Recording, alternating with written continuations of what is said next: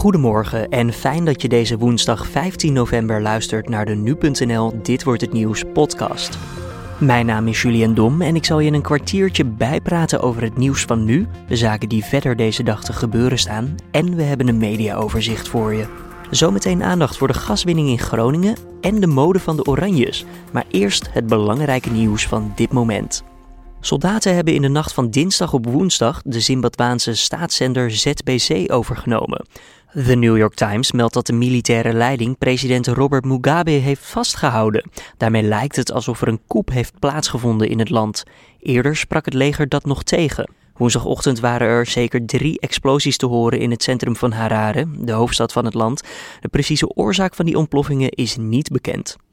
Een proefboring naar gas 20 kilometer ten noorden van Schiermonnikoog in de Noordzee kan volgens minister Erik Wiebes van Economische Zaken en Klimaat doorgaan.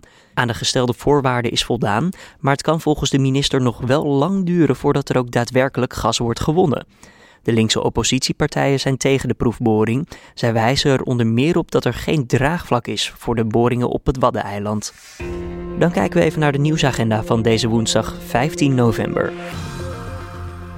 Vandaag komt de Raad van State met de uitspraak over de bezwaren en eisen die zijn gemaakt over de verlaging van de gaswinning in Groningen. Milieuorganisaties en Groningers willen dat het oppompen van de hoeveelheid gas verder wordt verlaagd dan wat voormalig minister van Economische Zaken Henk Kamp eerder dit jaar besloot. De Nederlandse aardoliemaatschappij, de NAM, die wil vooral duidelijkheid over de veiligheidskaders van de Groningers. We praten erover met nu.nl-redacteur Lisa van der Wal. Ja, Lisa, het lijkt alsof de NAM vooral de grenzen aan het opzoeken is. Nou ja en nee. Waar zij nu uh, vooral beroep over hebben ingesteld, is omdat zij duidelijkheid willen uh, over de veiligheidskaders van de gaswinning daar in Groningen. Veiligheidskaders zeg je daar eigenlijk al. Uh, waar hebben we het dan over? Nou, heel technisch gesproken, uh, er vinden daar in het gebied aardbevingen plaats als gevolg van de gaswinning. En de vraag die nu eigenlijk gesteld wordt is: bij welke hoeveelheid gaswinning kunnen wij de veiligheid van de Groningers daar garanderen? Dus eigenlijk bij hoeveel gas halen we uit de grond, zorgen we niet voor een aardbeving? Exact, ja, dat is dus nu de vraag die, die gesteld wordt. Uh, de hoeveelheid gas die opgepompt wordt, is in de laatste jaren al meerdere keren omlaag gesteld. Uh, dat is volgens mij behoorlijk snel gegaan, of heb ik dat mis? Dat kun je in principe zo stellen. Er wordt al sinds 1963 gas gepompt uit de grond. En pas in 2015 is de gaswinning uh, omlaag gegaan. Dit is als gevolg van een enorm zware aardbeving die toen in de provincie geweest is uh, is dit gedaan. En sindsdien is de gaswinning meerdere keren omlaag gehaald om de aardbevingen daar uh, te voorkomen. Daar is de Raad van State ook toen al bij komen kijken, toch? Ja, klopt. Uh, de Raad van State heeft één keer het, het winningsbesluit, zoals wij dat noemen, omlaag gehaald. En daarom hebben we nu dan ook een hoger beroep, want nu wordt nog definitief gezegd van blijft het zo, gaat het omlaag of gaat het misschien toch nog omhoog? Of ja, vandaag moet duidelijkheid komen. Uh, er komt vandaag inderdaad duidelijkheid over het laatst genomen winningsbesluit gemaakt door uh, voormalig minister Henk Kamp.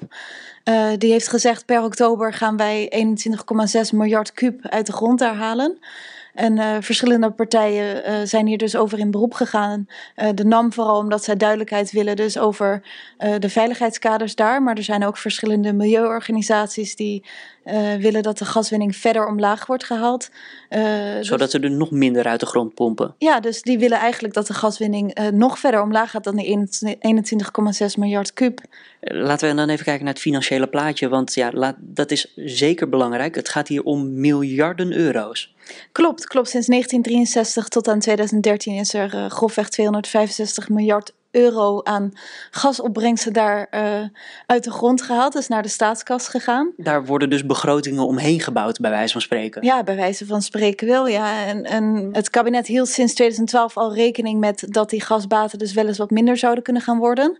Uh, in 2018 uh, is eerst gezegd van we halen 10 miljard euro aan gasbaten op. En uh, sinds uh, in de laatste berekening is eigenlijk naar voren gekomen dat het dus nu gaat om 1,9 miljard, wat dus gewoon een daling van meer dan 8 miljard is. Ja, dat gat moet je waarschijnlijk ergens mee opvullen. Is dat al bekend of gaan ze het gewoon laten voor wat het is? Nou, die vraag moet zich helaas nog onbeantwoord laten. Uh, vorige week hebben meerdere partijen in de Tweede Kamer hun zorg hierover geuit. Dus die hebben eigenlijk de vraag gesteld van... we hebben nu dus te maken met een, een, een een, misloop aan inkomsten van meer dan 8 miljard euro. Waar gaan we dat nu uh, mee opvullen? Dus uh, gaan er bezuinigingen plaatsvinden op andere fronten? Of moeten we dit eigenlijk toch in een ander potje gaan onderbrengen? Je zou het bijna denken, ja. Uh, dat is eigenlijk de vraag die, die nog beantwoord moet worden. Ja. Nou, uh, kwart over tien uit mijn hoofd komt vandaag de uitspraak naar buiten. Dan maakt de Raad van State bekend uh, wat die uitspraak is. En op nu.nl gaan we uiteraard uitgebreid dit onderwerp verder behandelen. Klopt, om kwart over tien zitten wij natuurlijk uh, klaar voor de uitspraak van de Raad van State. En ook de rest van de dag zullen wij bezig zijn uh, met het nieuws. Um, er zijn natuurlijk verschillende reacties van partijen die gestreden hebben voor de verlaging van de gaswinning. Verschillende belangenorganisaties die hier iets over te zeggen hebben. Dus dat kun je uh, vandaag allemaal volgen op nu.nl. Je hoorde Lisa van der Wal. Deze woensdag verschijnt het boek De Nieuwe Mode van Oranje, geschreven door modedeskundige El Smit. Nou, door de populariteit van internet en ja, dan vooral social media is er tegenwoordig meer en meer belangstelling voor de kleding van de koninklijke familie. En dan met name die van koningin Maxima. Wie het heeft gemaakt, hoeveel kostte het eigenlijk en ja, is het nieuw of eerder gedragen en vooral bij welke gelegenheid dan? We praten hierover met Jeroen Snel, presentator van het televisieprogramma Blauwbloed. Ja, Jeroen, um, over de kleding, volgens mij kunnen we daarover blijven praten. Zeker, en ook in ons televisieprogramma hebben we hier uh, iedere week wel aandacht voor. Uh, want de mensen vinden het ontzettend leuk om te zien uh, ja, welke kleding gedragen wordt, wat je zegt, hoe duur het is, welke merk het gaat, of er nieuwe kleding is aangeschaft, of kleding wordt hergebruikt, of is, is vermaakt. Ze, ze, zijn, ze zijn behoorlijk creatief eigenlijk, maar ja. wat maakt het nog meer zo speciaal, die kleding van de Oranjes? Nou, ze maken toch wel een statement en ze passen de kleding ook wel aan, uh, aan het werkbezoek. En vooral in het buitenland zie je dat uh, heel duidelijk. Dat als Maxima bijvoorbeeld uh, voor haar werk voor de Verenigde Naties in Afrika is of Azië, mm-hmm. dan zie je dat ze kleuren pakt qua kleding die passen bij een land. Maar ook dat ze niet al te dure kleding draagt. Ik weet, we waren met haar in Vietnam voor zo'n VN-reis. Dan loopt ze in een jurk van de Zara. Wat mm-hmm. natuurlijk heel betaalbaar is, wat iedereen kan kopen. En dan draagt ze ook niet hele dure juwelen, maar gewoon een houten kralenketting. Maar ze ziet er dan alsnog fantastisch uit. Uh, maar dan uh, denkt ze daar wel over na. En e-, enig idee of ze dat dan zelf uitkiest of dat dat voor haar geregeld wordt? Ze heeft hulp en uh, die hulp die heet een kamenier. Dat is een vrouw, maar het klinkt mannelijk de functie. Het is een kamenier. Dat is een vrouw die werkt op de Eikenhorst en die begeleidt haar inderdaad met de kledingkeuze. En die zorgt ook dat alles klaar ligt als zij op reis gaat of voor een werkbezoek in Nederland dat de juiste kleding klaar ligt. Die wast, die strijkt, die verstelt, die vermaakt. En die, die, die, helpt, maar ik weet wel dat Maxima hier heel erg een eigen stempel indrukt. Van nou, uh, ja. dit is het, ik, ik, wil dit of dat. Ik heb eerder daar en daar dit aangehaald, ik ga het nu weer anders doen. Zij is daar wel heel erg mee bezig. En ik heb ook wat het gevoel dat ze ook Willem-Alexander nog wel een keer uh, heeft willen adviseren, maar dat ze dat een beetje heeft losgelaten. Want in het begin zag je wel dat ze fantastisch op elkaar waren afgestemd. Dat hij een kleur stropdas had die weer in haar jurk terugkwam. Mm-hmm. De laatste jaren zie ik dat helaas wat minder. Uh, want hij is denk ik ook wel redelijk eigenwijs in zijn voorkeuren, wat hij het liefst draagt. Dus uh, dat met soms wat minder, maar goed, dat maakt verder niet uit. Uh, ze doen ook heel veel los van elkaar bezig. natuurlijk. Ja, ook dat. En ja, Maxima die gaat ook zelf vaak wel shoppen. Ik kan me voorstellen, de kledingkast van koningin Maxima is enorm. Draagt zij ja, die ooit, uit. Ja, draagt zij ooit wel eens twee keer dezelfde jurk? Ja, ja, ja, zeker. Nee, dat zie je regelmatig. Dat een uh, jurk die bijvoorbeeld op Prinsjesdag is gedragen, dan later weer uh, opduikt uh, bij een staatsbezoek. nu is Prinsjesdag heel belangrijk, dus daar zal ze altijd in iets nieuws verschijnen. Hoeft niet mm -hmm. altijd iets heel duurs te zijn, maar in ieder geval iets nieuws. Maar uh, vaak is dat uh, ja, toch wel een uh, jurk, een japon die goed bevalt. Dus die dan elders weer te zien is. En soms wordt er een combinatie gemaakt. Dat ze dan iets extra's erbij draagt of juist niet. En dat het toch weer een nieuwe uitstraling geeft. Uh, maar dat het wel een bestaande jurk is. Kijk, als je dan ineens je hoed weglaat. Uh, ja. Dan ziet het er alweer heel anders uit. Uh, dus je, je gaat alle kanten op. Ook dat, en ik kan me ook voorstellen, zeker met schoenen bijvoorbeeld, dat je moet ze een keer inlopen. Dus ja, dan is het zonde om elke keer nieuwe te kopen. Ja, dat is waar. Dat is waar. En uh, de koningin heeft maat 42, dus ik, ik weet niet of haar personeel ook die maat heeft. Dat ze uh, voor de koningin even een uurtje die schoenen zouden kunnen inlopen. Oh, dat zou wel handig zijn.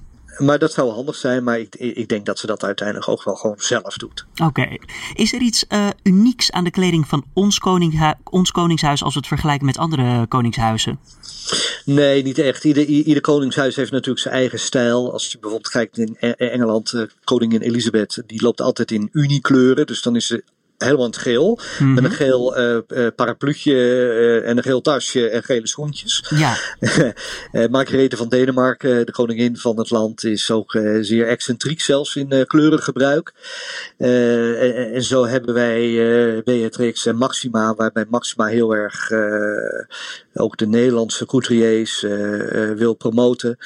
denk aan Jan Taminio. Hè. op een gegeven moment verscheen ze in het postzakjasje. Uh, in Nederland op de Biennale uh, in Arnhem. Uh, later droeg ze het nog een keer, over hergebruik gesproken, in New York tijdens een officieel bezoek. Okay. En sindsdien is ze in talloze outfits van deze Jan Terminio verschenen.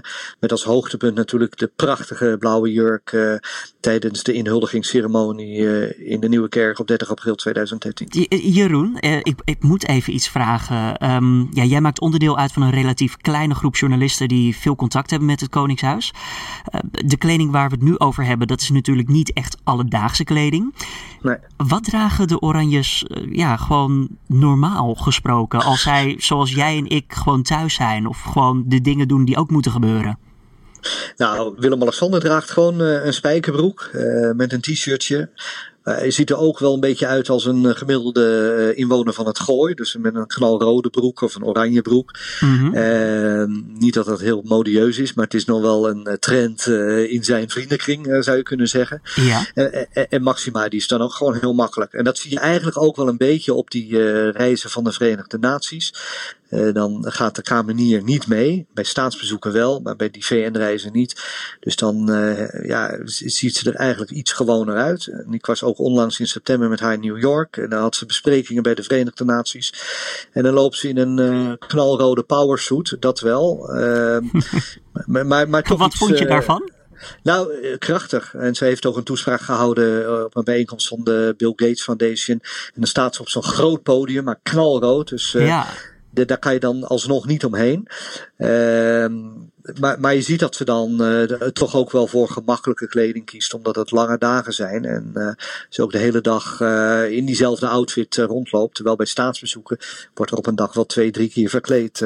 ja. Je hoorde Jeroen Snel over de mode van de koninklijke familie. Het boek De Nieuwe Mode van Oranje, geschreven door El Smit, ligt vanaf vandaag in de winkels. De Tweede Kamer debatteert vandaag opnieuw over de afschaffing van de dividendbelasting. De afschaffing kost in totaal 1,4 miljard euro en het is inmiddels de derde keer dat het kabinetsvoornemen aan bod komt. Veel standpunten zijn dan ook al duidelijk. De coalitiepartijen hameren op werkgelegenheid en de oppositie vindt het een te riant cadeau voor multinationals. Voor VVD, CDA, D66 en ChristenUnie is het onbespreekbaar dat er nog aan het plan wordt gesleuteld. De regering en oppositie in Venezuela gaan opnieuw met elkaar in gesprek. Het is de derde poging in één jaar tijd van de regering van president Nicolás Maduro en zijn tegenstanders om uit politieke padstelling te geraken. Twee eerdere pogingen eindigden in verwijten over en weer en het uitblijven van enige vooruitgang. Ondertussen leidt de economische crisis in het land tot een gebrek aan voedsel en de uitbraak van verschillende epidemieën. En dan kijken we even naar het mediaoverzicht voor deze woensdag.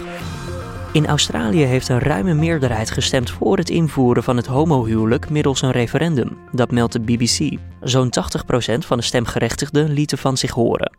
Premier Malcolm Turnbull heeft na de bekendmaking van de uitslag gezegd de wet te willen aanpassen zodat het homohuwelijk officieel erkend kan worden. Dat moet dan nog voor de kerst gebeuren. The Australian people have spoken in their millions and they have voted overwhelmingly yes for marriage equality. They voted yes for fairness. They voted yes for commitment. They voted yes for love. Het resultaat van woensdag betekent het einde van een stevige campagne. Voorstanders van het homohuwelijk waren tegen het referendum. Volgens hen kon het onderwerp beter direct door de politiek besproken worden. Het aantal vrouwen dat een burn-out heeft is in twee jaar tijd met 5,6% gestegen. Het aantal meldingen van overspannen mannen nam toe van 6 naar 9%. Dat schrijft de Volkskrant. Als verklaring voor het groeiende aantal burn-outs noemen de onderzoekers de flinke groei van tijdelijke contracten. Zorgverzekeraars, ziekenhuizen en patiëntenverenigingen willen een einde maken aan grote verschillen tussen prijzen die ziekenhuizen hanteren. Ook kan de prijs van een behandeling binnen hetzelfde ziekenhuis verschillen, doordat afhankelijk is bij welke verzekeringsmaatschappij een patiënt is aangesloten. Dat schrijft Trouw. Er moet een plan komen dat zorgt voor een vast bedrag voor elk type behandeling. En dan even het weer voor vandaag, 15 november. Het blijft bewolkt en soms valt er wel wat regen of motregen. Het wordt zo'n 10 tot 12 graden en de wind is zwak tot matig en waait uit het zuidwesten. Donderdag verandert er niet veel, maar vanaf vrijdag komt er meer ruimte voor de zon. En in het weekeinde, als we daar alvast naar kijken, is het tamelijk wisselvallig en waait het ook harder. En voordat we bij het einde zijn, dan nog eventjes dit. Een Russisch archeologisch team heeft in Egypte namelijk een goed bewaarde mummie gevonden. Ja, de mummie dateert uit de Grieks-Romeinse tijd en werd aangetroffen in een houten kist. Volgens het Egyptische ministerie van Oudheid deden de archeologen de ontdekking zo'n 80 kilometer ten zuiden van Cairo. Het gezicht van de mummie was bedekt door een masker dat met blauw en goud was beschilderd. Wanneer de ontdekking is gedaan, is niet bekendgemaakt. Dit was dan de Dit wordt het nieuws podcast voor deze woensdag 15 november. De Dit wordt het nieuws podcast is elke maandag tot en met vrijdag te vinden op nu.nl om 6 uur ochtends. Laat ook een recensie achter op iTunes of Soundcloud en we staan natuurlijk altijd open voor feedback. Stuur gewoon een mailtje naar redactieapenstaartje nu.nl. Voor nu, tot morgen.